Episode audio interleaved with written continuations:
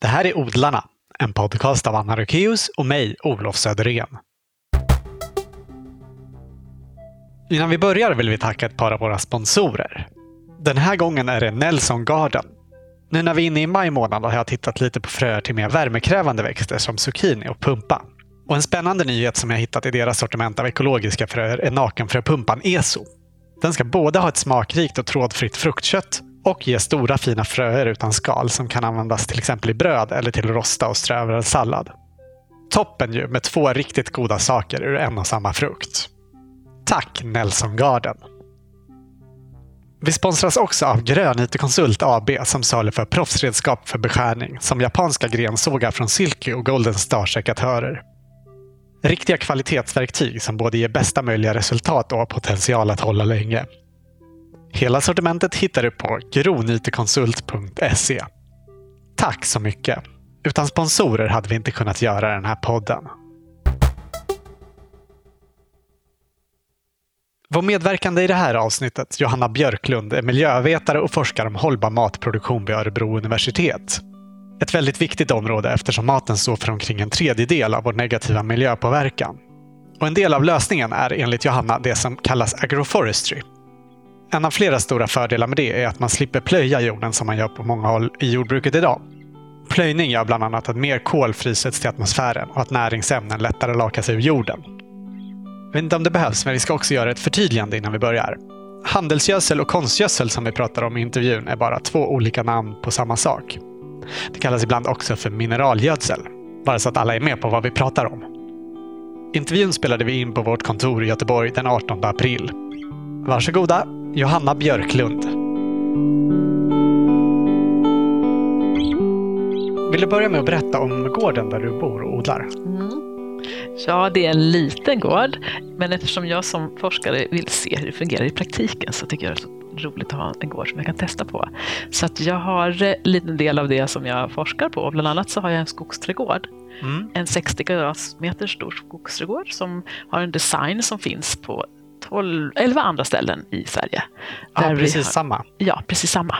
Så eh, när vi började med det här forskningsprojektet, det var ett deltagardrivet projekt, alltså vi forskade tillsammans med småbrukarna som också är intresserade av att utveckla hållbara produktionssystem, så tänkte jag men då vill jag ha en på min gård, så det har jag. Och sen så har jag några får och några hönor som jag har i växthus på vintern och sen så flyttar de ut i en flyttbar liten vagn som jag flyttar runt i beteshagarna och på gården. Ja, en liten hus, husvagn. Mm, precis, och på vintern så kan de då ha det varmt och behagligt för de vill inte gå ut när det snö så då kan de gå ut och vara i växthuset och så kan de käka lite insekter kanske och lite bakterier eller så, skadegörare från tomatproduktionen som jag har där. Det är 30 kvadratmeters växthus som jag har på sommaren och så odlar jag i odlingslådor och jag älskar att odla perent, för jag tror att perent är hållbart. Och jag plockar mycket vildmat, så att på min tomt så har jag en stor alm. Och det var en av anledningarna till att jag flyttade dit faktiskt. Det var att om det finns en alm där så kan man alltid få god sallad. För jag börjar våren med att plocka sallad. Almfrö är helt fantastiskt gott att ha i sallad. Ja. Och sen plockar jag jättemycket. Jag har inga, ingen kirskål i min trädgård. Så jag sa det till mina grannar, jag kanske måste plantera in lite kirskål för jag behöver ha till sallad och till, till, till pesto och till pajer. Och så, nej, nej, nej, nej, du kan få allt du vill från oss. så, så jag har inte någon kirskål. Det brukar sällan, sällan vara brist på Nej, det. precis. Ja, så jag odlar så mycket som jag orkar faktiskt med glädje. Och då försöker jag också göra det väldigt enkelt för jag är en sån där som älskar att så, som tycker jag inte så kul att rensa ogräs så att jag täcker hela tiden med material, försöker att täcka och täcka och täcka så att jag ska slippa gräva så mycket och att dagmaskarna ska kunna göra jobbet. Så, sådär. Mm. Men jag är ju agronom från början, inte hortonom, så att, eh, jag tycker inte att jag är så duktig på att odla utan det är själv, utan jag tycker att jag är mer st större skala, det är då jag kan ge goda råd tror jag. Du kommer från det te teoretiska hållet? Ja, precis, så jag testar och utvecklar själv kan man säga. Ja. Mm. Förutom almen, hur kom det sig att du hamnade på just den platsen? Ja, det är en väldigt liten gård med gamla hus. Och det hade bott en dam där, som, eller hon hade haft en som vävstuga, som var livrädd för att förändra och ta bort någonting. För allt det där gamla finns kvar. Och sen så är det, den gården är inte mer än drygt, så det är egentligen inte någon gård ur Jordbruksverkets mening, för det är drygt 6000 kvadratmeter. Ja. Och då tänkte jag att jag har två barn och så är det jag och då kan vi försörja oss på den här om det skulle bli kris. För det är ungefär vad vi har. Vi har 2000 kvadratmeter per person att leva på. Om man delar på, Om man delar all, det. all jordens jordbruksmark. Precis, och det är symboliskt för jag tänker att ja, men jag vill inte hitta någon lösning till mig och mina barn bara. Men jag tänkte att, kände att ja, det är ungefär en sån stor yta som jag kan tänka att jag kan ha. Så att, det var det. Så, och så finns det en alm och så finns det en stor ask. Och den är helt fantastisk. Den är, ja, den är så här stor, alltså två meter i diameter, alltså det här trädet. Så det måste ha stått där alltid. Och sådana här askar, planterar, stora vårträd planterar man ju på gårdar för att skydda mot brand bland annat. För att de eh, kunde stå emot när det, var ju väldigt farligt då när gårdarna stod nära varandra. Stod nära varandra. Och den har man hamlat så de har ju varit viktig som foder till gårdens djur och så. Och då tänkte jag att en plats där det finns en sån fantastisk träd, det måste vara en lugn plats. Och bara när jag går ut där så känner jag och så ser, tänker jag att det där trädet har ju varit med om så mycket. Säkert, ja, det är säkert 200 år. Så, så mycket liv och tänk hur det såg ut på den här gården när den här asken var liten. Det är Ja. helt fantastiskt. Och ask är ju världsträdet. Liksom. Asken är. Så det kändes som att det är på något sätt en, en härlig plats att vara på. Så att det hade alla förutsättningar. Så jag har en liten, eh, litet hus som jag kan ha renoverat med omsorgsfullt då, med äggoljetempera färger och snickrat så mycket som jag kan själv och tagit hjälp av snickare som är, är duktiga och intresserade av byggnadsvård. Och sen har vi uppfört en, en flygel som jag har tagit ner en gammal timmerhus och satt upp och så har vi renoverat den och ja, liksom, jag har lärt mig gamla tekniker så där har jag en liten vedeldad bastu och en liten keramikverkstad och en liten övernattnings som man kan bo också. Det- Mysigt. mm. Jag vet inte om du nämnde var, var den ligger någonstans? Den gården? ligger utanför söder om Hallsberg på Närkeslätten. Och hade någon sagt till mig att jag skulle bo på Närkeslätten så hade jag sagt aldrig i livet. Där, finns, där kan man väl inte bo för det finns inget vatten. Men eh, det är fantastiskt i böljande landskap i södra Närke där jag bor. Och jag har en liten sjö som jag kan bada vid. Ja. Hur länge är det du har bott där? Jag har bott där i eh, sex år. Hönsen berättade du lite om. Och så, näm- och så nämnde du att du har får. Ja, det har jag. Jag har sex tackor nu. Och lamm ibland. För framförallt har jag djuren för att, eh, be, att de ska beta betesmarkerna. Och problemet är att jag inte äter så mycket kött själv längre. Jag är mer, äter mer och mer vegetariskt. Ja. Men har, jag har alltid haft det och jag har alltid parallellt med att jag har jobbat på universitetet och så, så har jag haft, vi har haft större lantbruk i, tidigare så att jag har erfarenhet av att odla ekologiska tomater till exempel utanför Enköping och haft, då hade vi fler får också men det här är, har liksom minskats ner efterhand vad jag, så vad jag mäktar- mäktar med. Så de är mest för att Ja, de- hålla öppet och krama Ja, på? så mina, det är mina gummor, det är mina tanter som jag går och gullar med ibland.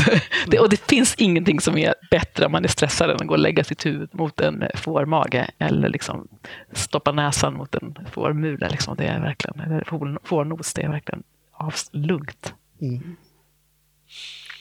Men så du har haft eh, lantbruk innan du hamnade där också? Ja, alltså, jag började läsa till agronom för att jag eh, ville åka ut och jobba som biståndsarbetare. Jag ville ut i världen. Och så tänkte jag, ja, men jordbruk det finns ju överallt. För annars kommer jag från stan. Jag kommer från Uppsala, mitt i stan.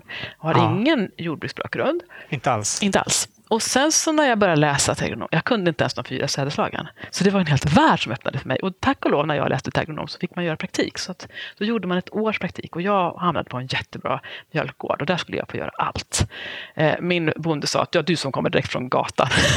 så okej, jag ska lära dig allt. Så jag fick lära mig allt och, sen, och då fick jag möjlighet att, att lära mig så mycket så jag kunde jobba som avbytare. Och jag, jag blev jättefascinerad av det svenska lantbruket. Och sen så gjorde jag Eh, min, mitt examensarbete i regnskogen i Peru. Jag tittade på vad som hände när man hugger ner regnskog. Var, alltså jag lärde mig massor. Men en sak jag lärde mig det var att jag kan inte göra så stor nytta där, utan de kan det där själva. Om de bara får möjligheter och får resurser och får rättvist betalt för det de säljer och alltså att vi slutar och liksom gör anspråk på deras mark och, och så. så så då blev det så för mig att jag kände att jag kan göra större nytta i Sverige genom att förändra det sättet som vi producerar mat på här. Så att vi då lämnar resurser kvar till andra delar av världen.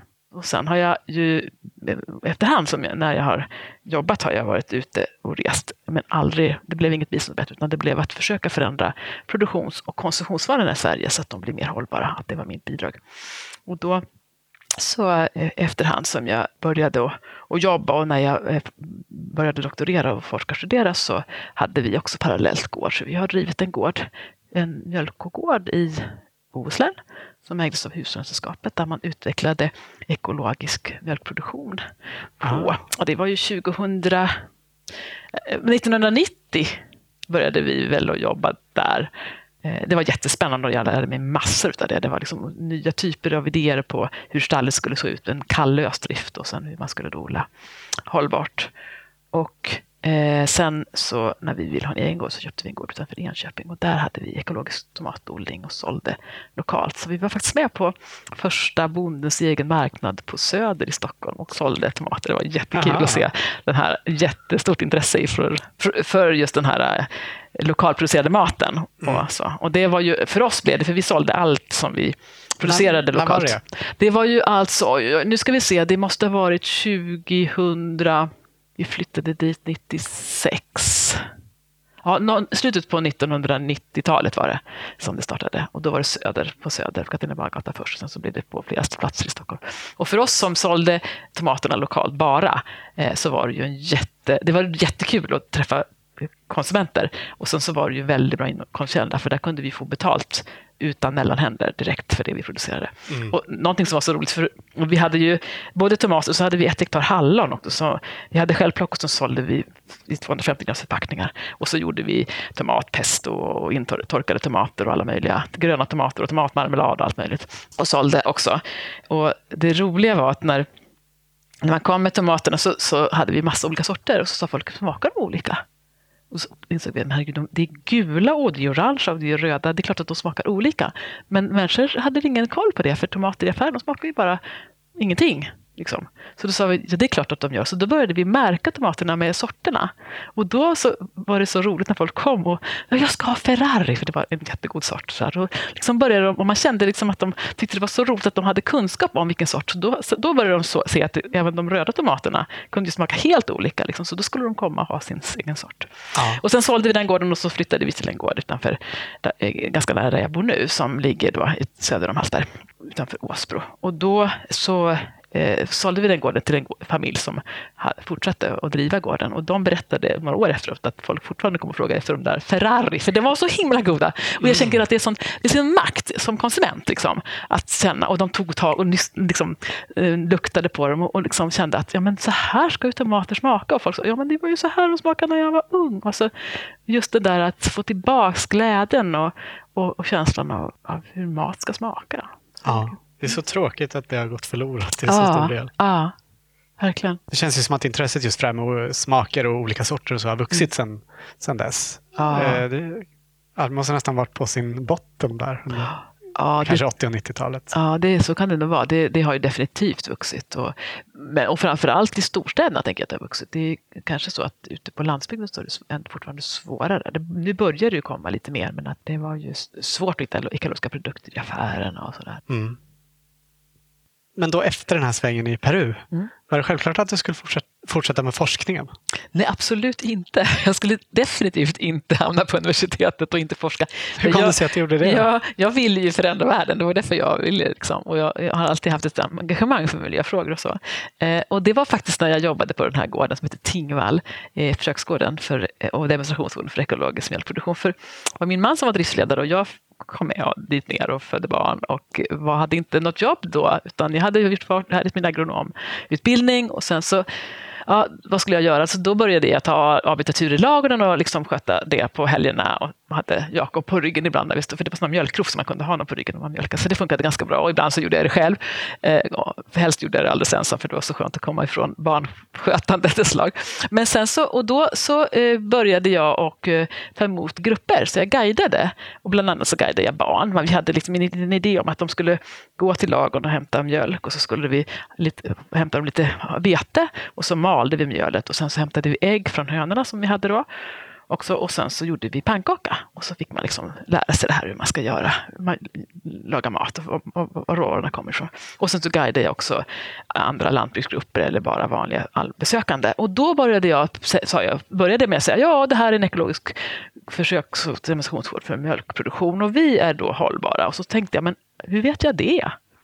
vad, hur kan jag veta att den här gården är så mycket hållbarare än andra? Finns det några, hur mäter man vad som är hållbart? Och bland annat så kunde jag ju se då det här med att eh, eftersom vi då inte låg i en bygd där man odlade mycket spannmål så fick vi transportera och föra dit mycket, mycket halm. Och hur hållbart är det med transporter och med att man tar organiskt material från andra plaster och lägger här?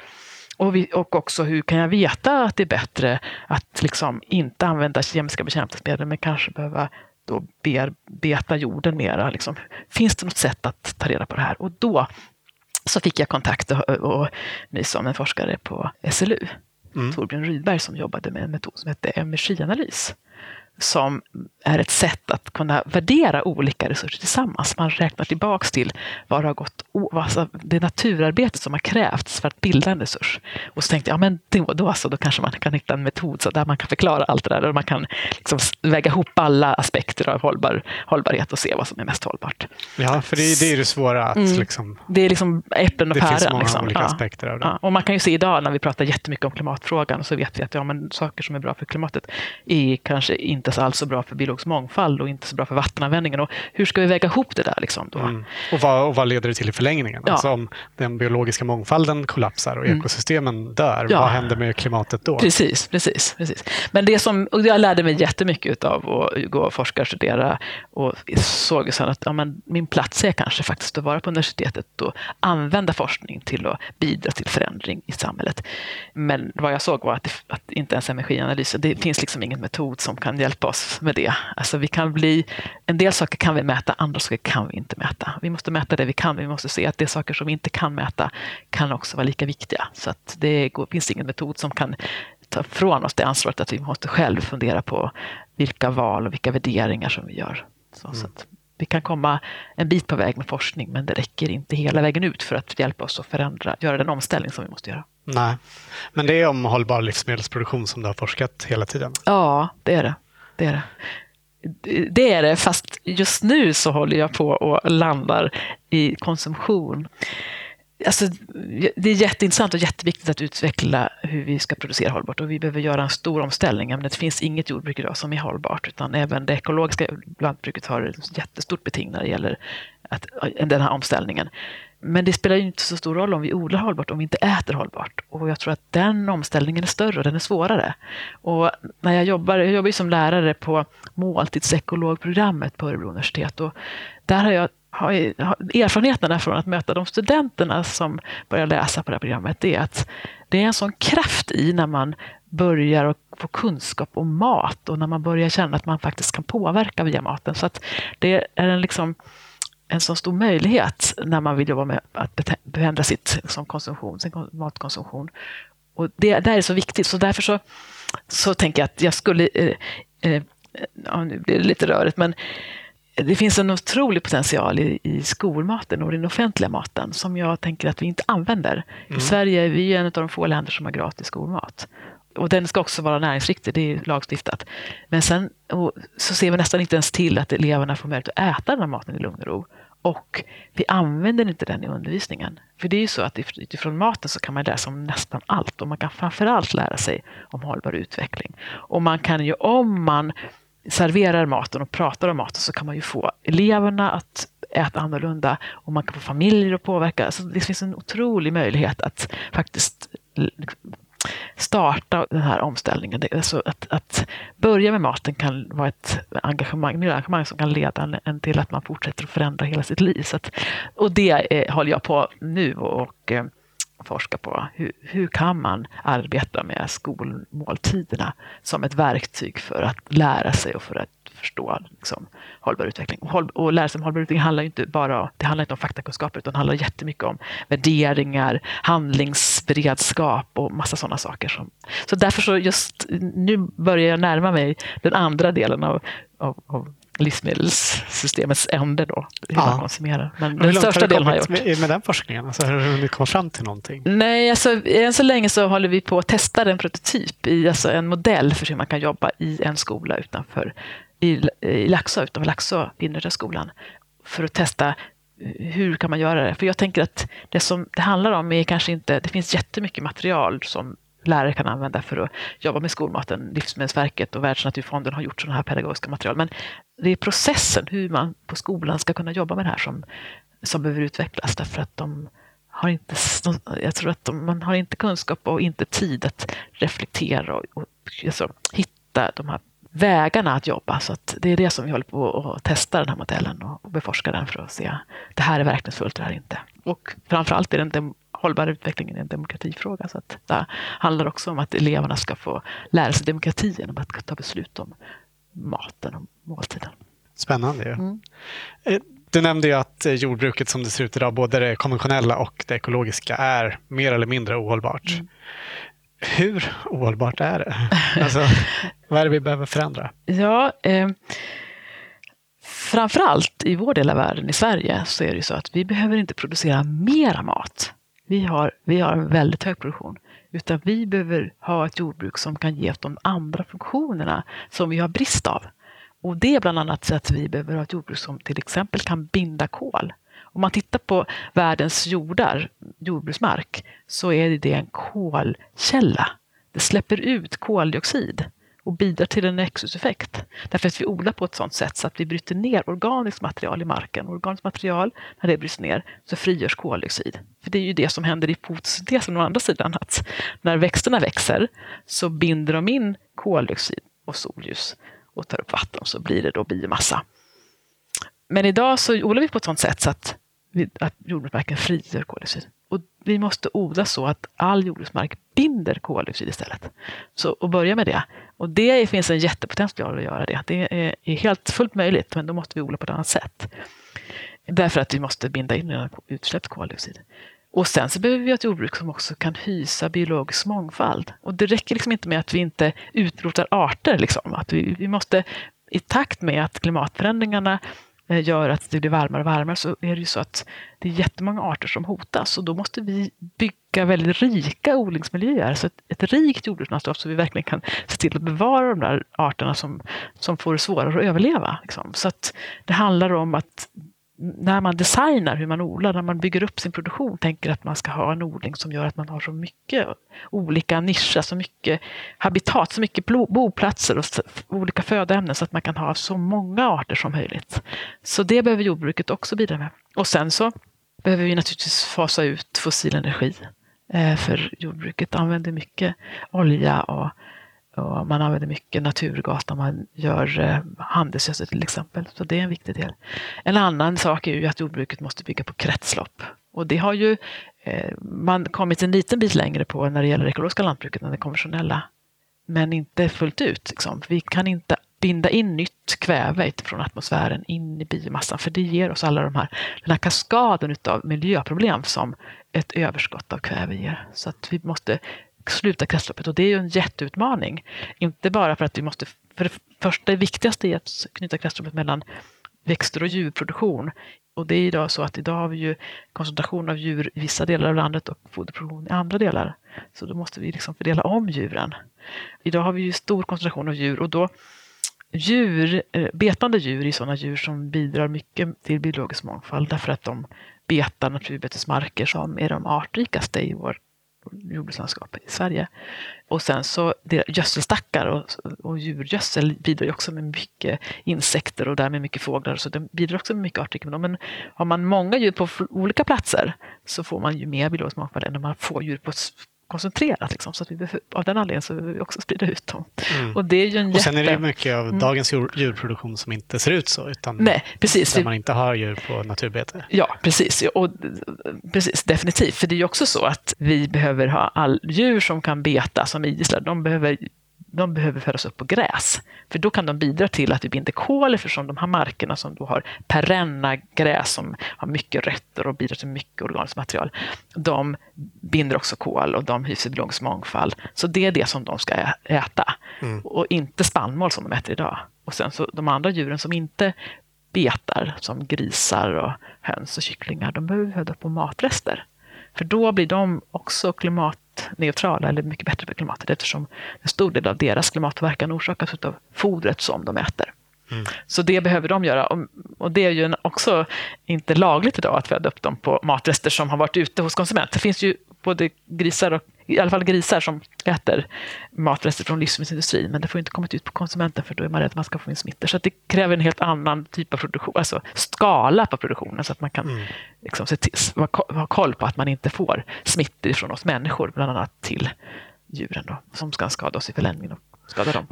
Hur mycket djur kan vi ha överhuvudtaget? Då? Jag gjorde någon sorts överslagsberäkning utifrån en studie som gjordes av Elin Rös och hennes kollegor. Och då kom, då, i den, om man skulle då ha i, i nöt alltså boskap, alltså kor som ska födas upp på naturbetesmarker och så lite vall som kan vara motiverat av i växtföljden för att det blir en bra växtföljd. Så, så att de har något att äta på vintern Ja, också. de måste ju ha någonting att äta på vintern. Sen så kan det, är det intressant att fundera på att man kan ha vallar där man har växter som klarar av att djuren bet som växer långt på vintern och som också klarar djurens tramp när det är fuktigt och så. Så man kan ha djuren ute så länge som möjligt och också ha raser som funkar. Så att, men då skulle det bli ungefär 20 procent av den nötköttet som vi äter idag. Alltså det mm. köttet från kor som vi äter idag. Och sen om man skulle föda upp grisar och höns och kyckling på bara matrester så skulle det räcka till ungefär hälften så det vi äter idag. Mm. Och sen så vill vi ju minska matsvinnet så då kanske det blir lite mindre. Jag vet inte. Men det är det som tänker jag skulle vara avgörande för hur mycket kött vi äter. Och sen så ska det vara från idisslare så ska det vara kött från djur som också har gett mjölk. För då kan vi fördela deras miljöpåverkan på mera produkter, både kött och mjölk. Så att. Men vi äter ju så mycket importerat kött så att eh, vi kan ju börja med att äta svenskt kött till att börja med. Och sen så får vi se. Men det här är ju ett problem i Sverige, men det är också ett problem globalt. Att djurproduktionen är koncentrerad till vissa länder och foderproduktionen till andra länder. Så då, där är det ju liksom ännu större problem att minska. Ja, precis. Och sen så blir det, som jag förstår det, så blir det för dyrt i många fall att frakta kogödseln dit den behövs i odlingen ja. och därför så köper man ingen konstgödsel istället. Precis, precis. Och jag tänker att vi kan, vi måste ju fasa ut konstgödsel därför att det är det nya kvävet som vi får in som, som liksom blir problemet. Man kan ju säga det, jag menar, det är när man använder stallgödsel som man får läckage för det är mycket svårare att, och liksom, att lägga på stallgödsel precis exakt när växten behöver det. Det är mycket lättare med handelsgödsel, då har man ett litet korn som man kan lägga precis bredvid, bredvid utsädet och så, så liksom frigörs det då precis när utsädet växer. Men med stallgödsel som är en biologisk liksom, produkt så vet man aldrig riktigt när det frigörs, liksom, för det beror ju på helt andra förhållanden. Men vi har ju den gödseln som vi har. Så länge som vi äter djur så har vi gödseln, så det måste vi göra av med. Så när vi för in eh, Eh, handelsgödsel då ytterligare så får vi in ännu mer gödsel. Och då blir det ju ännu större Liksom, då blir ju inte handelsgödsel, eller stallgödsel en resurs, utan då blir det liksom något som vi lägger på för mycket och, och vill bli kvitt. Liksom. Så att det är ju att minska det här nya kvävet som ska in. Om man tänker sig liksom att hela det här är en balja, så, att, så läcker ut på massa ställen. Och det är liksom mängden nytt kväve, för det ska tillbaks till atmosfären igen och då blir det ofta problem på vägen. Sådär så vi måste ha kretslopp och så fasa ut handelsgödsel, kväve. Men sen är det, när det gäller fosfor så är det också så att fosfor är en ändlig resurs. Så det måste, vi vet inte hur länge fosforn räcker. Det finns olika beräkningar på det. Om det är 100 eller 200 år eller 30 år eller vad det beror, vad det, hur långt det är. Men men det vi vet det är ju att vi i vår del av världen har använt vår andel av den tillgängliga fosforn som finns. Utan den fosforn som finns kvar nu, den behöver man använda i områden där man har helt utvittrade jordar, till exempel i liksom östra Afrika. Eller så här, där liksom, vi har ju haft istid nu, så vi har ganska unga och bördiga jordar och näringsrika jordar i Sverige. Och där har man liksom jordar som är helt fosfor fattiga som inte har någon fosfor alls. Så de kan behöva ha den där fosforn.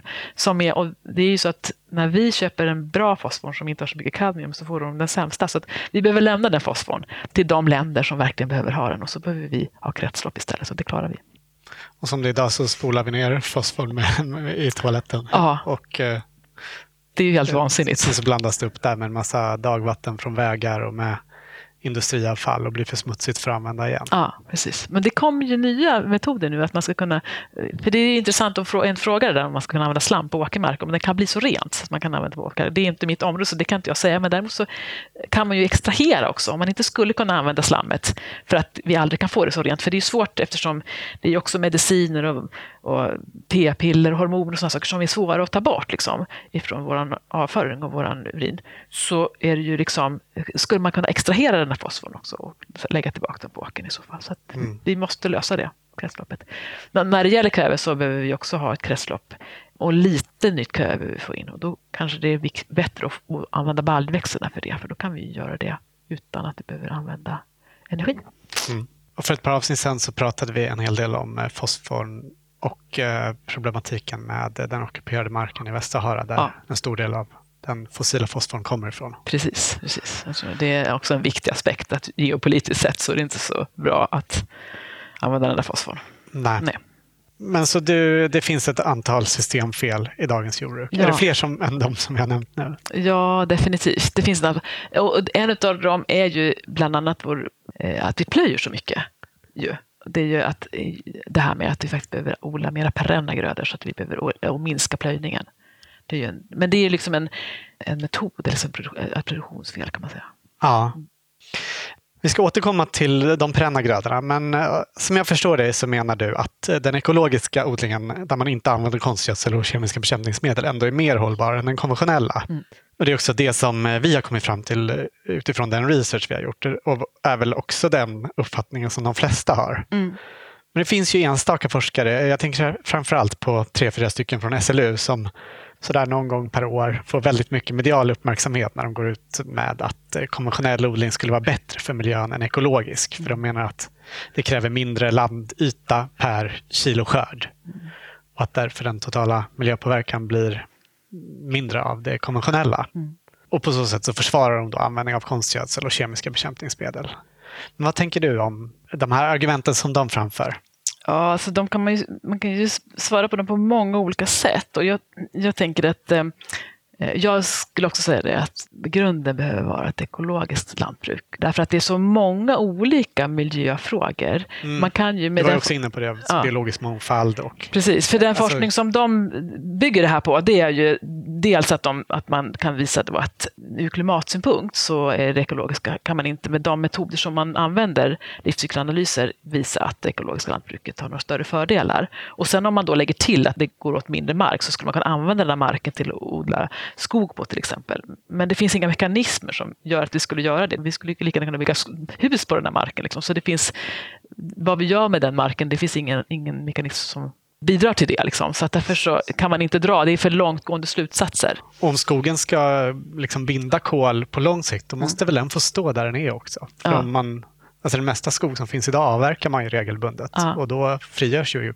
koldioxid igen. Precis, men om man skulle tänka sig att man har en, en ensidig spannmålsodling och sen så lägger man den här marken i gräsvall till exempel. Och, eller att man planterar skog där så kan man ju bygga upp kol ifrån att man har en ganska kolfattig jord så kan man bygga upp kol. Men det, det är liksom en väldigt långtgående slutsats. Och, och jag tänker att eh, man också i de här studierna inte riktigt kan beräkna hur mycket eh, ett ekologiskt lantbruk kan bidra till kolbindning i marken. Att man har högre organs, mängd organiskt material därför att det är så svårt att beräkna. Så att det finns en del äh, saker som fattas. Och lägger man till det så, så tror jag att det ekologiska lantbruket har en viss fördel när det gäller klimatet också faktiskt. Och också just att man då faktiskt eh, inte bidrar till att man binder in nytt kväve. Och kväve vet vi ju bidrar till lustgas och det är en väldigt stark växthusgas. Så att, tar man med alla de här aspekterna så, så tänker jag att även ur klimatsynpunkt så har ekologiska lantbruket fördel. Men framför allt så har ekologiska lantbruket fördel när det gäller biologisk mångfald.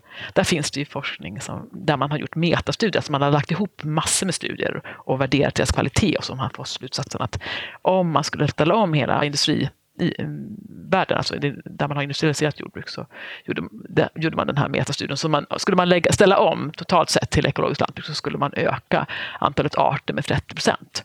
Och man skulle öka populationen, alltså antalet individer i de arterna ännu mer. Så att där har man en jättestor fördel. Och det är ju så att samtidigt som vi måste minska och bromsa klimatförändringarna så måste vi också minska utrotningen av arter. Det är lika viktigt. Det är liksom, de, de här faktorerna måste vi ha tillsammans. Liksom. Vi måste ha ett lantbruk som kan bidra med både och. Och dessutom är det ju så att vi minskar mängden kemiska bekämpningsmedel i naturen och i våra produkter. Så det är liksom jätteviktiga saker som det ekologiska lantbruket bidrar med. Så jag tänker att vi måste, eh, i min forskning som är jag intresserad av att börja med det ekologiska lantbruket, att man kan ha det som grund. Liksom, vi har som en grund att vi inte ska använda bekämpningsmedel och vi, ska försöka, vi måste knyta kretsloppet, för det är också en jätteviktig del att om vi inte har handelsgödsel tillgängligt så kommer det vara incitament för vi måste använda stallgödsel på ett bra sätt och annars så kommer vi inte kunna odla eftersom det är så viktigt med näringsämnen. Så därför så ett sådant lantbruk har liksom börjat den här omställningen, som vi har kommit en bit på väg. Och sen måste vi göra ännu mycket mer. Men det kan man inte göra som lantbrukare själv, därför att det kräver att en annan lagstiftning, det kräver ett annat prissystem, det kräver medvetna konsumenter. För att idag så är det inte ekonomiskt lönsamt. Så det, det måste annat till. Mm. Men som man kan säga, det som du ville ta reda på då när du, när du jobbade med lantbruk och ville forska på det här, mm. det har liksom bekräftat vi har fått det bekräftat. Ja, ja alltså jag, fortfarande så tänker jag att, att forskning visar att det ekologiska lantbruket har kommit längre när det gäller de där komplexa miljöfrågorna som vi måste jobba med. Men att det är en lång bit kvar. Och, eh, det finns ju eh, en annan sån här, eh, ett argument som de här forskarna som hävdar att ekologiskt lantbruk inte är bra för miljön. De säger också att om vi skulle ställa om till hela världen till ekologisk produktion så skulle vi, skulle vi svälta. Och Dels så är det ju så att om vi i Sverige skulle ställa om till ekologisk produktion totalt sett i Sverige så skulle det inte föda några fattiga människor. Alltså det, den mat vi producerar i Sverige den föder inga fattiga människor i Afrika. Utan det är snarare så att om vi skulle använda mindre av jordens resurser, till exempel fosfor, för vår produktion så att det finns möjlighet och priserna sjunker på det så att de skulle kunna köpa de resurserna i andra delar av världen där man bättre behöver dem, så skulle de kunna producera mer mat i så fall. Så det är omvänt. Så därför så finns det inga sådana argument. Och sen så finns det forskning som visar att om man skulle ställa om hela världen till ekologisk produktion så skulle skördarna minska ungefär med 10 procent i snitt.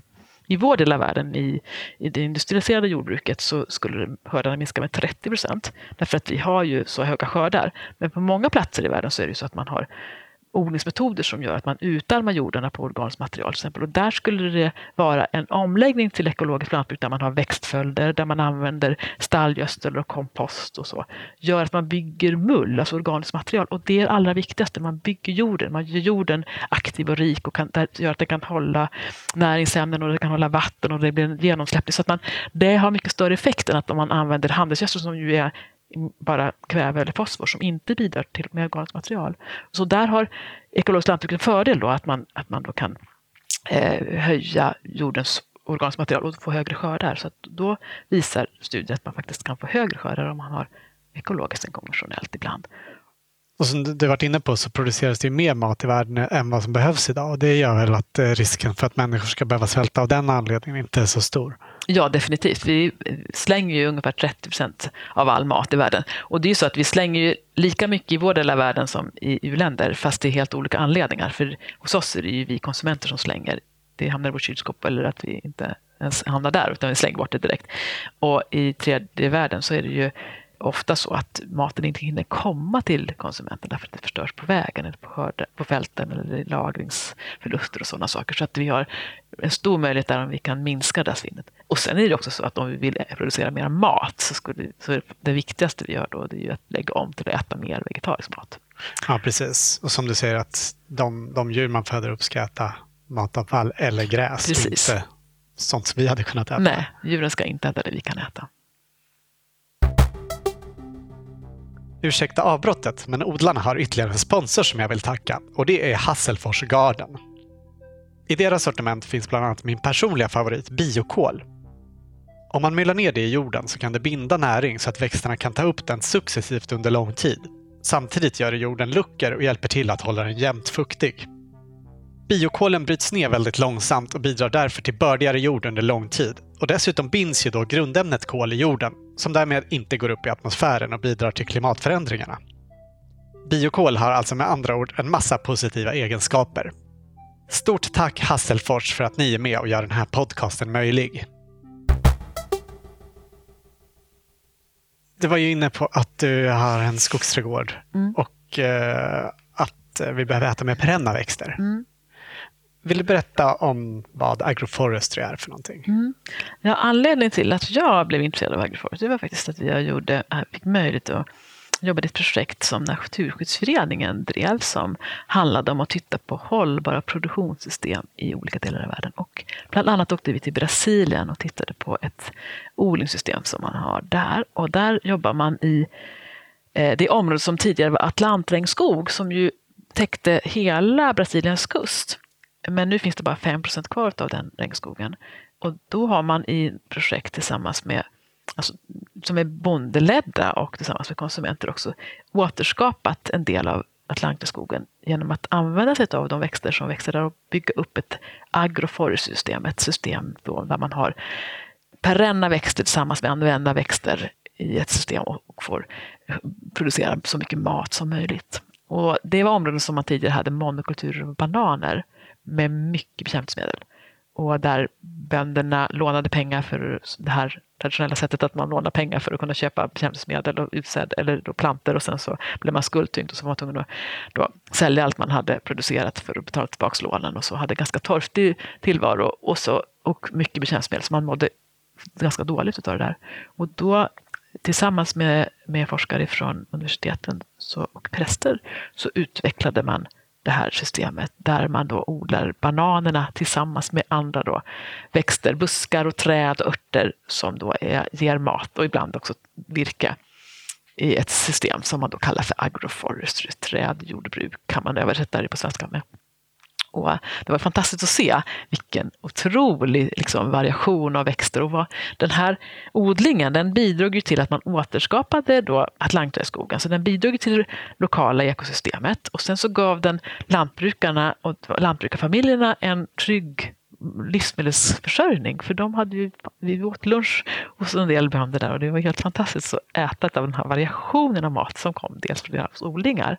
Så, och sen kunde de också sälja den här maten på den lokala marknaden. Och då var det ju så att när de kom med många produkter så behövde de ju färre kunder. För då kunde, man kan inte, om man bara kommer med en sorts mjöl liksom, så kan man ju inte köpa hur mycket mjöl som helst. Men om man kommer med tio olika saker så kunde de med, för varje kund få mer betalt. Så att de kunde också bidra till eh, eller få eh, god inkomst från den lokala marknaden. Och så kunde då de som bodde där få bra produkter. För man odlade då, i det här systemet använde man inte handelsgödsel och inte kemiska bekämpningsmedel. Så det var ju giftfri och bra mat som man då kunde få. Och då tänkte jag att det här måste vara ett hållbart system. För det, var, det gav biologisk mångfald, det bidrar också, man kunde ju räkna på, för det var forskning som gjorde på den här odlingen, eller produktionssystemen, som visade att man band jättemycket kol i marken. Och det gör man ju där i de områdena för det är så varmt, liksom, så det är så mycket biomassaproduktion och så.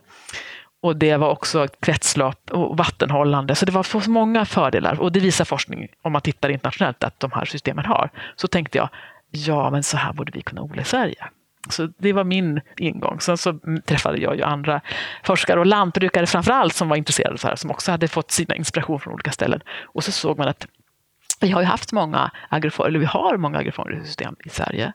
Bland annat så kan man ju säga att de här bara våra naturbetesmarker med träd och buskar i, djuren betade, det är agroforestry. De användes ju på många sätt. Vi odlade nypon där, vi hade äppelträd där, fruktträd där. Man fick timmer från stora träd. Vi hamlade eh, de här träden för att få vinterfoder och, och vi hade djur där. Så det är en form av agroforestry. Och ja, så, det pratas ju ofta om det som att det är någonting nytt. Ja, precis. Men det är det inte. Utan det finns så många gamla... Fäbodrift är en typ av agroforestry. Skogsbete också. Så då var vi, men vi var nyfikna på att se vad är det, hur skulle sådana här system kunna se ut i Sverige? Och då så satte vi igång en grupp med småbrukare och några forskare och, och liksom började utforska hur, hur, det kan bli. Och då så hamnade vi i att vi ville titta på den allra mest diversa systemet som vi kunde hitta och det var skogsträdgårdar. Och det är ju liksom odlingar som har växter på alla nivåer, från höga träd, alltså äppelträd, höga päronträd och körsbärsträd, och så ner till lägre, lite lägre träd och buskar, hassel och mass, vi har ju massor med bärbuskar. Jag menar, det finns ju havtorn och bäräggmispel, det finns svarta vinbär, alltså krusbär, alla möjliga sådana sorter. Och sen ner till eh, örtskiktet som är mynter och argan och kryddor och sen så till markskiktet som kan vara jordgubbar och sådana saker. Och så till rotskiktet som är liksom under de perenna rotfrukterna och sen så har vi klätterväxterna och så, som växer då, som vin och, och björnbär och sådana saker. Och så vi ville designa ett sådant system som var så diverst som möjligt och kunde ge så mycket skörd som möjligt. Och, så, och se vad blir det för mat då om vi ska äta från de här systemen och, och hur kan vi kombinera växterna så att de kan ge oss och bidra till varandra, att bidra till en bra produktion med så lite resurser som möjligt och sen också ge oss så mycket bra skörd som möjligt. Mm. Så det var ja, ingången till att jobba med det här. Ja, Och det var efter den mallen ni tog fram då som din skogsträdgård Ja, precis. Och då, då tog Hur länge fram. har du haft den? Den har jag haft sedan eh, 2013. Så att vi planterade vi den. Så den är ju alltså då sex år nu. Ja. Jag Ja. satte den precis när jag flyttade hit till den här gården. Börjar den bli liksom uppvuxen? Ja, det gör, den. Det gör den. Sen är det ju så att det finns olika, den är på många olika platser och en del tycker jag lyckas mycket bättre än vad jag har gjort med sin skogsträdgård. Och det var lite grann tanken att skogsträdgårdarna utvecklas ju utifrån vad det är för behov. Liksom. Jag skördar mycket havtorn, mycket björnbär, äpplen och jättemycket mynta. Jag har lärt mig mycket av min skogsträdgård men jag ser ju att det finns andra som är duktigare odlare än vad jag är faktiskt som har, som har mer, får ännu mer skörd. Så. Men det gäller ju att få också det man vill ha, alltså det man använder. Det man använder precis. Men jag har ju liksom en del. Och bärig mispel får jag mycket. Och sen har jag blåbärstry har jag också mycket. Or, eh, ska vi säga, gode Henrys molla och, och rangspenat. Så jag skördar mycket i min. Men däremot så har jag örtskiktet är väldigt kraftigt så att det har tagit, gjort att träden har, har stått och stampat och jag har väldigt sur jord. Har jag. Det är kanske snarare, framförallt därför som jag försöker få jordförbättra för att den är eh, väldigt låg pH så att äppelträden och vinbussrankan den klarade sig inte så bra. Äppelträden klarar sig men de står och stampar ganska mycket så jag försöker lägga på mycket organiskt material där. Vi har ju intervjuat eh, Kristina Schaffer, men det är några år sedan. Men men det är samma Ja, projekt hon har är- också eh, ett, en skogsträdgård. Precis, Mm. precis. Hon har ju en variation av växter och de har ju verkligen skördat ifrån den till sitt eget hushåll. Och det är roligt för jag tror Kristina som sa det, och jag, just att när man har en skogsträdgård så blir det här med vad en sallad är, det får en helt annan innebörd. För jag odlar ju aldrig sallad, ettåriga sallader, för det finns ju hur mycket olika sallader som helst. Och jag menar, blommor är ju fantastiska sallads. Jag menar, dagliljor plockat till en sallad, det är liksom, alla, ja, det finns ju mycket, mycket blad som helst, så man kan Mm. variera. Har du några mer eh, favoritväxter från skogsträdgården? Ja, alltså, mm, det har jag definitivt. Jag har em, en växt som jag, fast den ska nog inte vara där, den har jag planterat in själv. Det är trädgårdsmolla. Och Ah. moller tycker jag jättemycket om, så det använder jag mycket. Em, ja, sen tycker jag, är är jag väldigt nyfiken på sibirisk ärtbuske. Den har jag plockat en del av. Dels kokat baljor och sen så kan man äta de där små fröna. Så den tänker jag, tänk om man skulle kunna förädla den, för det är ju en sån där buske som man har i eh, häckar. Ja, precis. Kokar du baljorna innan, alltså när de är gröna? Ja, då? precis när de är gröna. Ja. Och sen så har jag liksom skördat och så låt dem, lagt dem i så här att få sikta dem på varandra, så sprätter de ut själva. Men det problemet är att det är så få frön i dem, så att man behöver plocka väldigt mycket och man hinner nästan svälta ihjäl innan man får så mycket som man kan äta dem. Mm, De är ganska små. Så, de är, så, de är ganska, så tänker jag, men det är klart att det är jättemånga eh, jordbruksväxter som vi har förädlat så att vi har fått högre skörd och också så att man kan förädla bort. För det finns, jag vet inte vad det är för ämne, men, men jag tror att det finns något ämne som faktiskt inte är så nyttigt i, i, i sibirisk ärtbuske. I alla fall Okej. så måste man kolla det ordentligt. Och det har man ju lyckats förädla bort i både ärtor och, och oljeväxter och sådär, så det är ju inte, så, det är inte omöjligt. Så vi har inte förädlat sibirisk ärtbuske för annat än skönhet eftersom vi har det som häckväxt. Men om man skulle börja göra det så skulle man ju kunna få en kvävefixerande perenn buske som är vacker och som också ger oss goda frön. De är ju väldigt nötiga sådär. Och sen så Gode Henrys molla tycker jag är jätte eh, god och kul. Man kan äta den när den är färsk, när den är väldigt späd. Men sen eh, efter ett slag så måste man koka den. Men det roliga med den är att man också kan äta fröna som man kan koka som quinoa. Det skulle man ju också säkert kunna förädla så att man får större frön. Och Ja. sen anis i sopp tycker jag är jättegott att ha i sallad. Spansk kör är väl också jättegott. Nu kan jag kan de fortsätta länge som helst. Sen skulle jag ju gärna vilja, och det tänker jag, det vore intressant. Men jag, där, där har jag inte jag lyckats så bra, för att jag tror att det beror på att, att jag har ganska sur jord. Det är ju nöt, nötodling, hasselnötter och även valnötter, även om det kanske inte passar så bra i en skogsträdgård därför att valnötten inte trivs, eller, eller andra växter inte trivs så bra med val, valnöten. Nej, just det. Den eh, dödar det som växer under. Ja, och också eh, äpple och valnöt passar inte så bra ihop. Jag tror inte äppelträd trivs i närheten av valnötter. Så man behöver ha nötlund kanske. Mm. Hasselnötter kan man ha tillsammans. Så det skulle jag ju tänka. Varför, varför kan inte vi odla hasselnötter i Sverige? Det har vi gjort och borde vi kunna göra igen. Vet du när det försvann ur, odlingen i Nej, Sverige? det vet jag faktiskt inte. Jag kan tänka mig att det försvann någon gång på 50-talet när vi började bli mindre självförsörjande. Och det hade väl säkert med skördetekniker och sånt att göra, att det tog för lång tid att skörda för hand göra det. Så att Ja. måste ju bygga upp. Det är ju intressant, tänker jag, just med det här. För det var det som vi lärde oss när vi tittade på eh, skogsträdgårdarna att det är ju, de är ju fantastiska när det gäller biologisk mångfald och de binder mycket kol. Och de, de är bra på många sätt liksom, och vi kan få mycket hög skörd och så om vi kombinerar växterna bra. Men det svåra är ju att tänka sig hur man ska kunna skala upp de här och få kvar den här, alltså vad är det för mångfald, vad är det för variation som man behöver? Hur behöver man designa dem för att kunna skala upp dem för att få de goda funktioner som de här har och ändå kunna liksom skörda Ja. För annars, antingen måste det vara jättemånga människor som går och plockar för hand eller så behöver vi utveckla solcellsdriva robotar som man kan programmera in så de kan liksom, idag, idag ska vi skörda svartvinbär, ja, men då går de och plockar alla svartvinbärsbär på alla buskarna som är lite utspridda överallt. Så det, det måste till forskning och, och, teknikutveckling. Dels för tekniker och sen också för förädling så att man får hög skörd och också får bort ämnen som inte är, är nyttiga om det finns i några av de här växterna. Mm vissa vi har träffat som eh, har anlagt skogsträdgårdar, de har sagt att, så, lite att de från början förväntade sig att det skulle vara i stort sett skötselfritt, mm. men har upptäckt att det inte riktigt funkar mm. så. Mm. Men nu tänker du att det, om man skulle använda det liksom i större skala eller kommersiellt, mm. krävs det mer eller mindre eller lika mycket skötsel som i jordbruk som det ser ut idag? Mm. Jag tänker att den där frågan är svår att svara på. Men, eh, för jag tänker ju att den, det jordbruket som vi har idag, det är otroligt arbets effektivt. Liksom. Vi har tagit bort all mänsklig arbetskraft. Men det är ju fruktansvärt improduktivt för det är ju väldigt markineffektivt. Vi kan bara få liksom, en hög skörd av spannmål och sen ingenting alls. Men sen agroforsystem är ju mycket mer effektivt system. Vi kan få högre totalskörd utav, om vi räknar ihop allt som vi skördar på en liten yta. Så det beror ju på om man tittar på vad vi får ut. Liksom. Så skulle det kunna vara så att det faktiskt det kräver mindre insatser.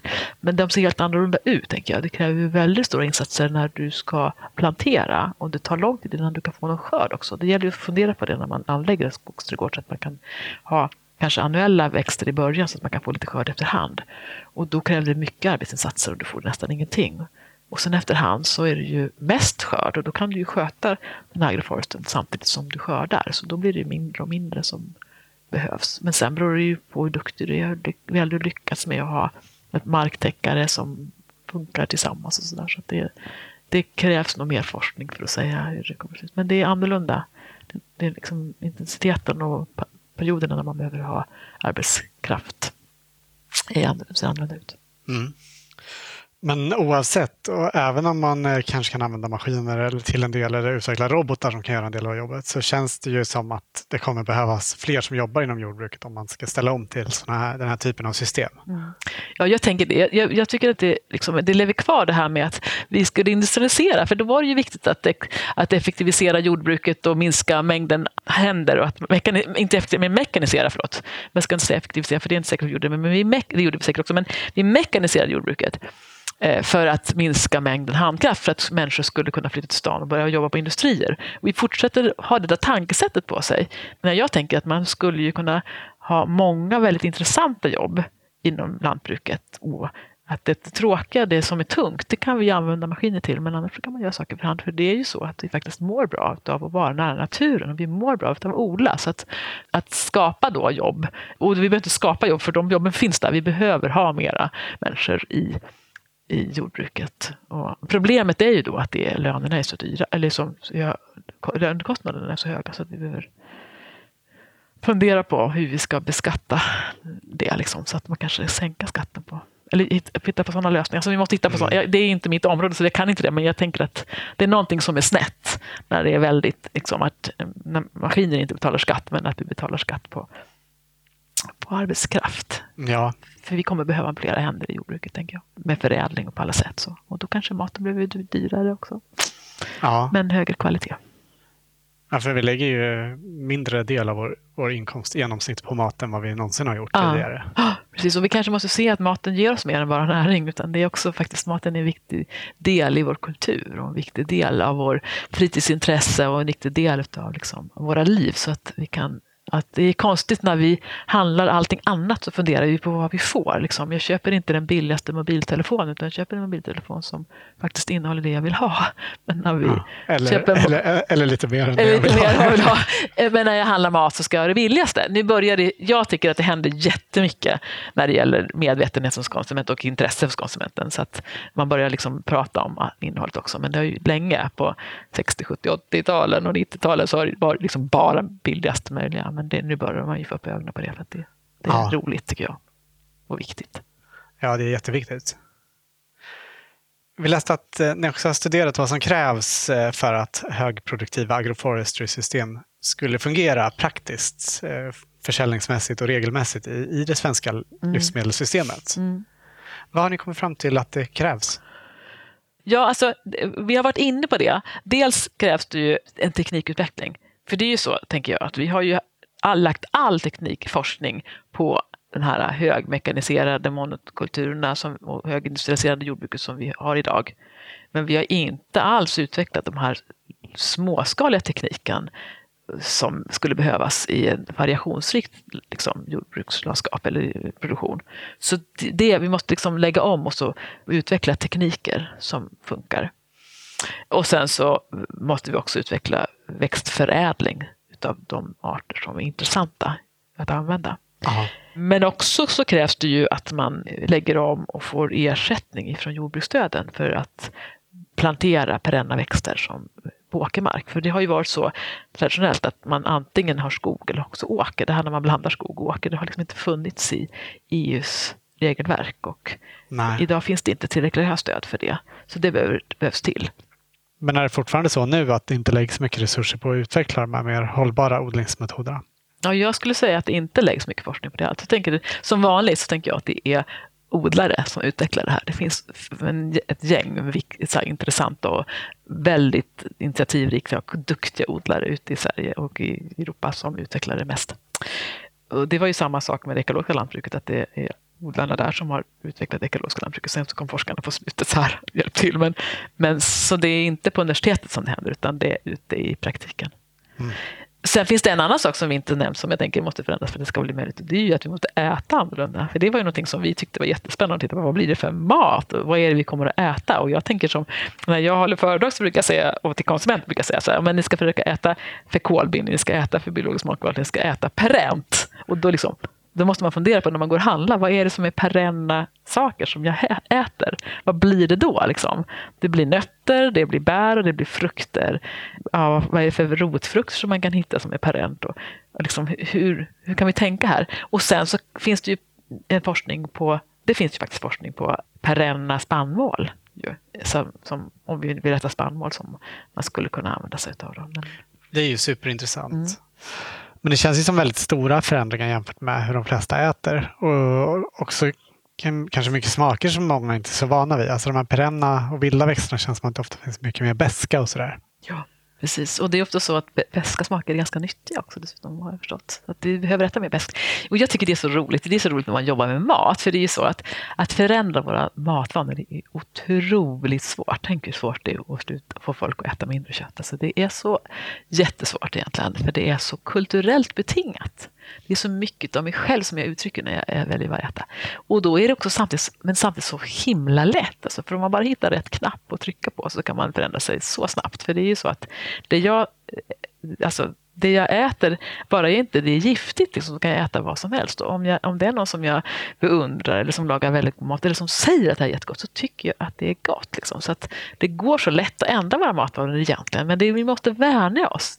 Dels måste vi ju laga god mat av det som vi kan odla, liksom. det är bara så. Men, men sen så är det så att om du lagar det här till mig och du säger det här är, alltså det här är så himla spännande, kan du inte prova det? Liksom? Så tycker jag att det är godare än om du säger ja, jag har gjort det här, det blir inte så himla bra. Då tycker jag inte att det är så gott. Så det är så, det är liksom, det, vi kan göra så jättemycket. Ja, precis. Så det gäller ju, så man, eh, om man äter någonting som är bäst första gången så tycker man inte att det är gott. Ja, men det är hur, många gånger, hur många tyckte det var gott med kaffe liksom, första gången? Utan man, drack det, man tycker inte det. Men så vänjer man sig till slut kan man liksom inte sluta. Så att vi måste bara vänja oss och vara öppna för att det är okej att inte tycka att allting är gott. Och kanske tycker jag det är gott rivet eller kokt. Eller, alltså det, vi måste bara ha en, liksom, en annan inställning till, till att vara nyfikna på mat. Sådär. Ja. Ja, men det är kul att lära sig och prova nytt. Mm. Kan, kan också vara en kul utmaning att begränsa sig på något sätt. Mm. Till exempel bestämma sig för att inte köpa de varor som man inte hittar ekologiska eller så. Precis. Och och också få längta efter någonting. För jag är ju sån där som inte ja. äter tomater på vintern utan jag äter mina torkade tomater och sen så när de första tomaterna kommer då blir det ju, de tomaterna är ju så fantastiskt Precis. goda eftersom jag inte ätit tomater hela vintern. Så det är just det där. Men jag tror att det är olika där och man får respekt för det också. En del människor, jag tror att det är faktiskt kanske, jag vet inte att säga- leda det för långt, det kan vara lite genetiskt betingat. Att en del människor är nyfikna på mat och andra inte. Och det är också så att det finns faktiskt något genetiskt bra med att vi är försiktiga med vad vi äter. För det var ju det som gjorde oss överlevt. Om vi inte hade haft den där spärren mot nya smaker så hade vi dött. För då hade vi blivit förgiftade. Så det finns något som är bra med det också, att vi behöver vänja oss lite sakta. Och en- så en del är mer modiga. Det var väl vi som var modiga som dog. och de andra som, som inte är det, det är de som har sett till att, att mänskligheten har överlevt. Så att vi får respekt för att vi är väldigt olika där. Men, Ja. jag, men, så jag tänker att det krävs tillvänjning och det är en omställning och den kommer att ta tid. Men jag tycker, det, jag tycker att det händer väldigt mycket och jag tycker att det händer väldigt mycket när det gäller just vårt köttätande nu. Ja. Faktiskt. Så jag tror att vi håller på att förändra ganska mycket våran, våra, vad vi äter. Vi kommer att se det om vi tittar tillbaka. Att den här perioden är väldigt, vi är i omställningen just nu. Faktiskt. Ja, det har hänt jättemycket bara sista året Ja. eller sista åren. Ja, det är jätteskönt och jätteroligt. Tycker ja. Men det här med att vänja sig vid smaker, Mm. det känns ju som att eh, det är jättebra att börja med det tidigt också. Mm. Du, du jobbar ju som sagt med eh, skolmat, eller forskning om skolmat nu. Ja, och det, det gör man faktiskt i skolorna. Man börjar ju tidigt. Och det, de som jobbar inom skolmåltiden de säger det att det är ju, med de små barnen så är det ganska enkelt liksom, och de har inga problem med att äta grönsaker. Och har man vant sig vid det så blir det liksom inte något svårt när man kommer upp längre upp i åldern. Så att det är redan på gång tänker jag. Så att det här med att äta mindre kött, det är, den frågan kanske är redan löst. Det är de här, i min ålder har vi en utdöende del av befolkningen där det är svårast som inte är uppväxta med det. Då. Liksom, alla behöver, kan ju förändra sig naturligtvis. Såklart. Mm. Ja, jag hade varit jätteglad om jag hade lärt mig äta kirskål innan jag var 35. Liksom. Ja, precis. Det är så gott.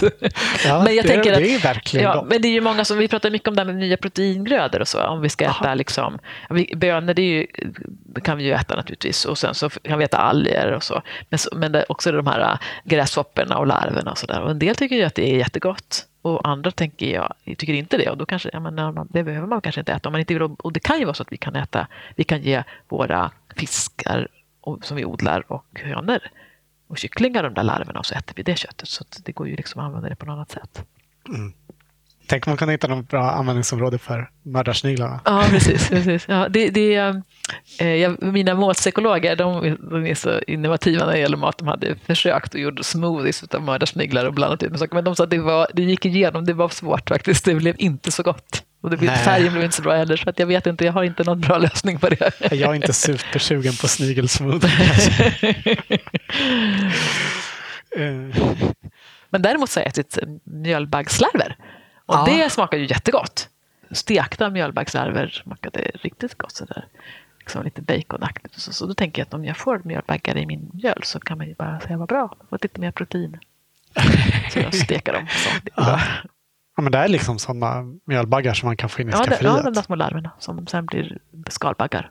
Jag känner ingen större längtan efter att äta insekter, men jag äter in- inga andra djur heller. Då Nej. känns det liksom inte, alltså jag saknar inte då Nej. Finns Nej. inte behovet. Nej, vi behöver för inte. Vi kan, man, protein kan vi få från andra Men källor. eh, jag, jag skulle kanske hellre äta det än en ko. Mm, Och jag tänker också det att det är också en etisk, de här mjölbaggarna, de, de trivs ju väldigt bra att bo i mjöl. Så att om man odlar dem, jag kan ju, för jag kan ju känna att jag vill ju, om jag ska äta kött, jag äter väldigt lite kött och skulle lätt kunna bli vegan. Eh, men och ska, det köttet jag ska äta, det ska komma från djur som faktiskt har haft ett meningsfullt liv, någon sorts mening i sina liv. Och då blir det ju liksom inte så mycket kött som man kan äta idag. Nej. Eh, Men mjölbaggslarver var inga problem av den anledningen, för jag tänker att de har väl haft ett bra liv. Sen kanske vi tar ju, har ihjäl dem, det är väl det enda vi gör, men annars så trivs de ju rätt bra i mjölpåsen och i den där lilla ytan. Men jag kan ju ha nästan ha problem även med fiskodlingar. Jag tänker att en fisk kanske inte vill vara in på en sån här liten liksom, balja eller bassäng, utan att behöver simma ut i haven. Och då är det svårt att hitta hållbar fisk. Ja.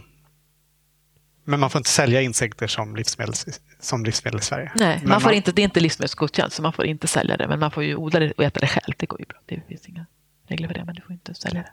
Nej. Det finns de som odlar det i köket och matar med havregryn och jag vet inte om mjöl och sånt där. Som... Sen så finns det ju väldigt mycket mat som vi kan få från det vilda också. Mm. Du har nämnt några växter som, som finns i det vilda. Mm. Men hur mycket kan vi liksom ta ut därifrån? Mm. Precis, ja det har jag inte räknat på, det vet jag inte. Men jag tror att det är, än så länge så är det så att det är ingen risk. Vi kan ju börja, jag tänker först att vi kan börja skörda våra trädgårdar först. Mm. Tänk om vi kunde göra det, det är så mycket som går till spillo. Och jag har ofta tänkt sådär, för hur kan det komma sig att vi inte får till ett system där vi kan hjälpas åt att skörda i våra trädgårdar? Jag är ju förälder så jag har sålt eller köpt snarare en massa med korvar från Tyskland, underkläder och Amarillos från företag som jag egentligen inte vill gynna för att mina barn ska kunna spela innebandy eller samla in till sin klassresa eller något sånt där. Mm. Så tänker jag så här, skulle man inte kunna hitta system där skolor, där barnen från idrottsföreningar eller från klasser går ut och plockar äpplen och plommon och päron och så i folks trädgårdar och skördar det. Och sen så kan man och hitta system för att köpa det in det på skolorna och betala dem så att de får till sina klassklasser så vi slipper gynna de där företagen. Och sen så hit, liksom kunna lagra dem. Alltså hur svårt kan det vara att lagra de där äpplena och pärorna på något centralt lager eller liksom någon som kan koka sylt eller alltså något sätt göra det. Eller lägga ut, det finns ju folk som lägger ut på Blocket. Så vi alltså ta hand om det där som vi har i trädgården. Det kan börja där. Och sen så kan vi ju, så tror jag problemet idag är ju inte att kom, vi kommer utarma naturen. För, för det, vi har för höga löner för att gå ut och plocka det, alltså, bär och frukt. Vi har för ont om tid. Vi måste, först ah. måste vi minska vår arbetstid. Mm. Men sen är det naturligtvis så att vi kan inte exploatera liksom, naturen hur mycket som helst. För, Nej, för det vi... finns ju ändå vilda system där, där, det har gått alldeles för långt. Ja, Kanske, precis. Så vi... alltså, jordbruksmarken är ju på ett sätt ah. ett exploaterande av naturen. Ah. Men också fisket till exempel. Precis. Och vi, kan ju, vi kommer ju kunna handla där igen, även i vår lokala natur. Om det blir, när vi får ont om mat och, och arbetslöshet och när, om ekonomin kraschar så kommer vi ju liksom kunna hamna där att vi exploaterar skogarna alldeles, alldeles för hårt. Och idag gör vi ju det med haven naturligtvis. Mm. Så det handlar ju om att hitta en hållbar förvaltning, att kunna förvalta den här den gemensamma på ett hållbart sätt. Ja. Det är lika viktigt i skogarna men, men inte just nu, men det kommer det vara. Och det är ju det i andra delar, stora delar av världen så är det ju så att man exploaterar ju den vilda naturen alldeles för mycket. Så det är ju en risk. Men inte, just för oss idag är det inte det än. Nej. En fråga till om det här med agroforestry som jag glömde innan. Mm. Du nämnde ju att det finns på många andra ställen i världen mm. och att vi till viss del har haft det här. Men alltså just det här mer intensiva agroforestry, jordbruket. Mm. Um, funkar det på samma sätt här? För att alltså just om man har höga växter kombinerat med låga. Mm. Solen står ofta så lågt på våra ja, breddgrader ja. så att man får ju liksom inte ner ljuset Nej. till de undre lagren på samma sätt här. Nej. Jag tänker att vi, för i, i, på många delar av världen så är det så att det är en fördel om man kan skugga. Därför ja. att det är för starkt stordjur. Men den fördelen har inte vi, utan vi behöver Nej, mer sol. Alla som odlar grönsaker vet ju att man vill ha så mycket sol man precis, kan få. Precis, och det gör ju också att det begränsar mängden eller olika typer av växter som vi kan därför vi måste ha skuggtåliga växter som växer i en agroforestry. Så jag tänker, när jag tänker med jordbrukslandskapet så tänker jag ju det som en mosaik och där vi har skogsträdgårdarna, de här väldigt diversa systemen som ekotoner, alltså bryn emot den mer öppna fältet. Och där kan vi odla perenna växter, till exempel perenn spannmål.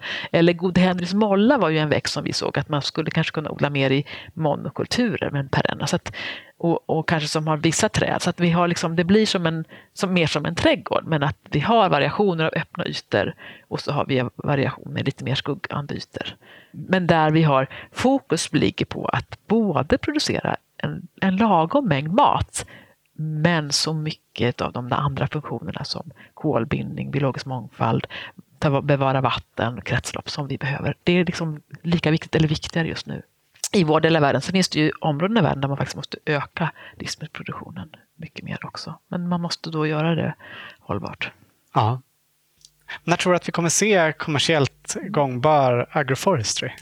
Ja, det, jag tror att det beror alldeles på. Det kräver ju liksom eh, politiska beslut och stödsystem som gynnar idag. För idag så är det ju så att vi har en ekonomi, ett system som gynnar den här eh, Eh, monokulturerna och billig mat och alltså ehm, hög produktion bara och också ett jordbruksstödsystem som, eller ersättningssystem som också gynnar det. Så det, det behöver vi förändra och gör vi det liksom, och om oljan blir mycket dyrare, så det beror jättemycket på hur det utvecklas i samhället, hur fort det går. Liksom.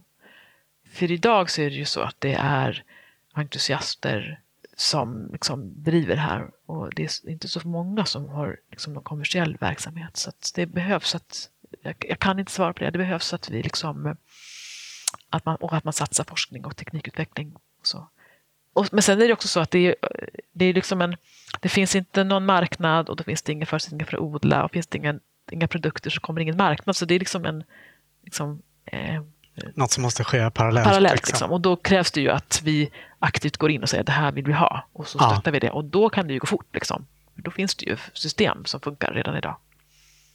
Jag har hört om det finns någon, något intresse från politiker för, för eh, e-forskning eller för det här, de här sätten att odla? Inte i Sverige, men däremot i Europa så finns det ju större intresse faktiskt. Och i Frankrike är man ganska långt framme eh, och i södra Europa också. Och sen eh, i Tyskland har man mycket alléodlingar, fast då har man ofta till virke, liksom, för att man har just lite skog där, så där kan det vara alléodlingar. Så det finns ju sådana system som är liksom, eh, in, inte så stor variation, av, då är det en perennväxt då, och sen är det annuell växt emellan. Liksom. Så det finns sådana system som man har mer och mer av. Där. Men där används det liksom mm. kommersiellt? Så. Ja, det gör det, det gör det. Och det finns ju de, alltså system med hönor och med grisar och olivodlingar och kastanjer och, sånt där, och fruktodlingar i södra Europa. Och också, så det, det finns det kommersiellt. Ja. Men det här projektet med eh, era skogsträdgårdar, det pågår fortfarande eller är det avslutat? Ja, det intressanta är ju att vi har inga forskningsmedel längre för det, för det, de tar ju slut. Men då har vi tagit jordprover, så vi har gjort jordanalyser på dem och vi har också gjort inventeringar och lantbrukarna har skrivit dagböcker för vad de har gjort för insatser under den här tiden. Och nu följer vi dem mm, ganska så måttligt och så tänker vi att om några år så behöver vi komma tillbaka igen och söka pengar för att kunna jordprovta och se vad som har hänt. Och Aha. studera dem lite, lite. Så att de finns ju där. Och är det någon som vill göra någon studie på dem så, så kan man använda dem. Så att alla är fortfarande vid liv i olika grad. Och en del är väldigt intensivt använda och andra är mindre. Men att de fortsätter nu, det är liksom helt eh, på eget bevåg? Ja, det är helt på eget bevåg. Och många tycker ju att de skördar ju därifrån tycker att det är spännande och intressant att ha det. Och andra, för andra så är det så att om man inte är så intresserad så kan man låta det bara vara. Det som är så bra med en skogsträdgård, den bara växer där. Och sen så kan man gå in och sätta igång och eh, göra någonting med markskiktet igen. Och liksom, så att man får den. Så att den är ju ganska så, man får inte så mycket skörd om man inte sköter den, men den lever ju ändå. Men för många så har det ju varit så att det faktiskt bidrar med en del råvaror som de kan använda. Ja. Men de här jordproverna som ni tog, var det liksom en första gång? Eller har ni tagit flera så ni har kunnat se någon eh, utveckling på det? Mm. Ja, vi har tagit fler, för det har varit några examensarbeten som har gjorts i det här systemet också. Men man måste säga att alla de är liksom utgångspunkter, för det tar så lång tid. Om du ska bygga in kol så tar det massor med år. Så att det, det, det går inte att se några skillnader i jorden än. Det tar alldeles för lång tid. Mm.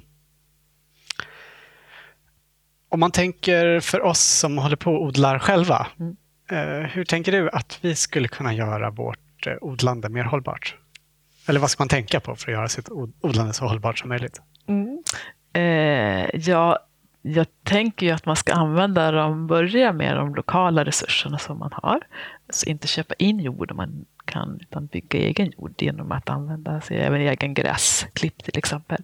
Och jag försöker ju att inte gräva och plöja och liksom använda sådana här, vad heter de, jag kan inte säga kultivatorer, eller vad heter de? Ah. Jordfräsar och så, utan att låta väx, liksom dagmaskarna göra jobbet genom att täcka med eh, kartong eller tidningspapper och sånt där ifall man har mycket ogräs och sen så lägga på gräsklipp och allt organiskt material man har.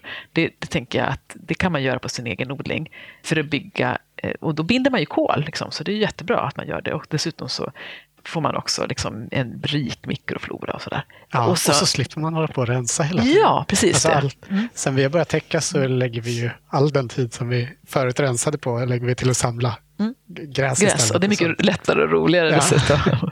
och sen så tänker jag att man ska köpa frön ifrån de här lokala små fröproducenterna som man har, till exempel Runeberg och Impacta, det är de som jag brukar använda mig av, som har försöksodlingar i Sverige och, och har en så otrolig variation av olika sorter och försöka liksom odla olika sorter. Att, att ha den här variationen, att liksom ha ett, en, en trädgård där man ser till att man har blommande växter under hela säsongen till exempel så att man gynnar pollinerarna och att man har många olika arter och många olika sorter så att man får en, liksom många nischer, brukar vi kalla det, många habitat för, så att vilda djur kan trivas där. Så att försöka bygga, tänka att bygga biologisk mångfald där man odlar.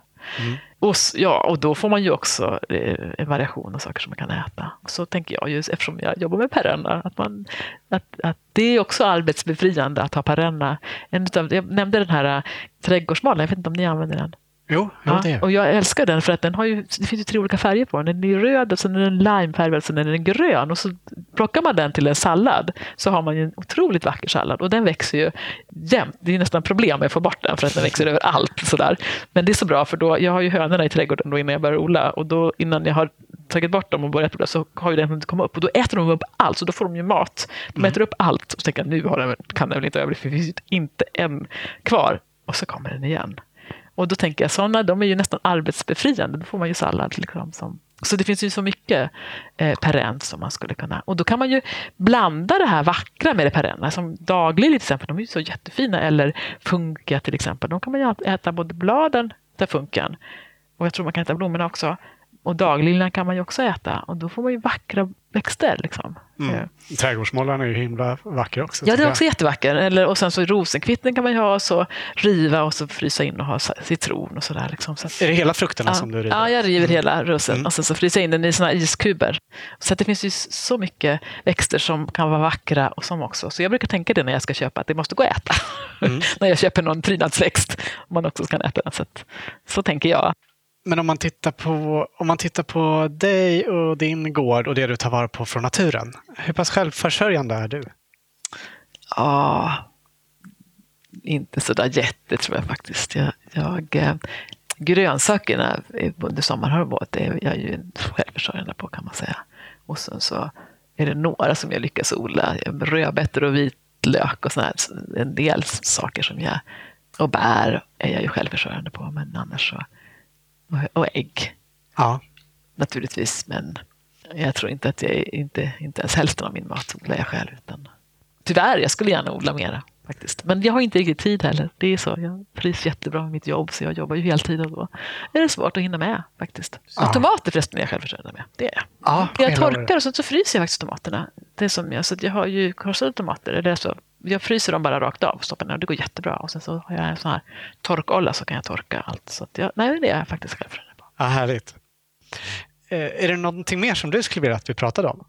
Det, någonting som jag inte pratat om, som jag tycker är viktigt, det är ju det här med att försöka gynna lokala bönder och försöka handla lokalt.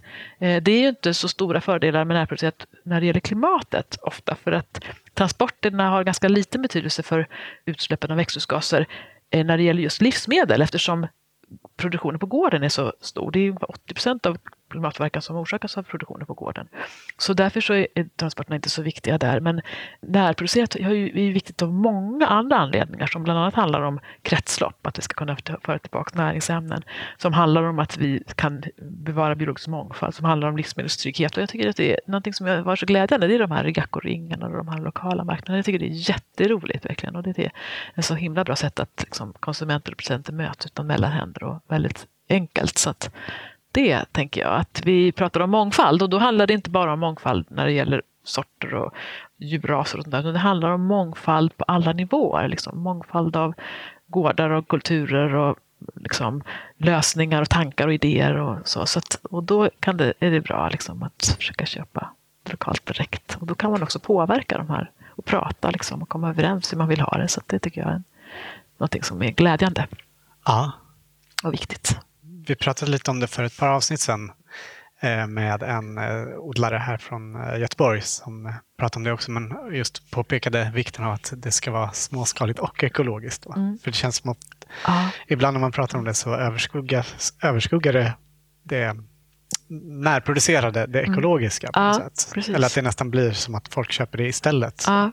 Precis, och det behöver vara både och. Men det är också så, tänker jag, att det kan ju vara så att, det, att sälja lokalt kan vara en väg in i att börja odla ekologiskt. Jag vet att en, en lantbrukare som jag träffade som på ett möte, han odlade potatis och de var inte ekologiska så var det självplock och så kom konsumenten och sa men åh, det är så himla bra med din potatis och det är så härligt att de är ekologiska. Och då sa han, men de var ju inte ekologiska så då, då var jag ju tvungen att ställa om till ekologiskt för jag kunde inte hålla på och lura dem.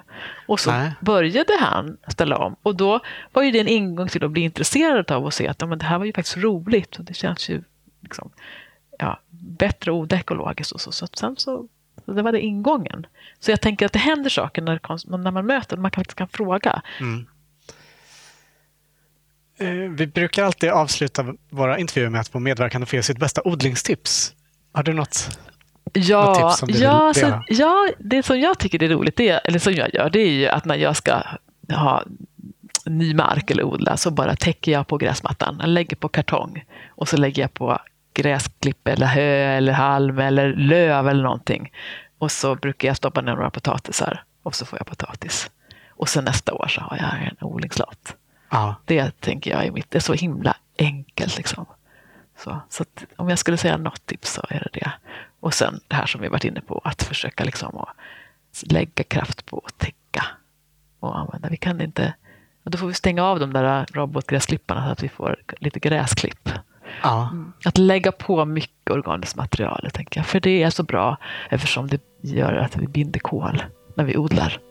Och det är bra för mångfalden också. Mm. Tack så jättemycket för att eh, vi fick träffa dig, för att du tog dig tid för oss. Tack för att vi fick komma hit. Det var jätteroligt att få prata med er.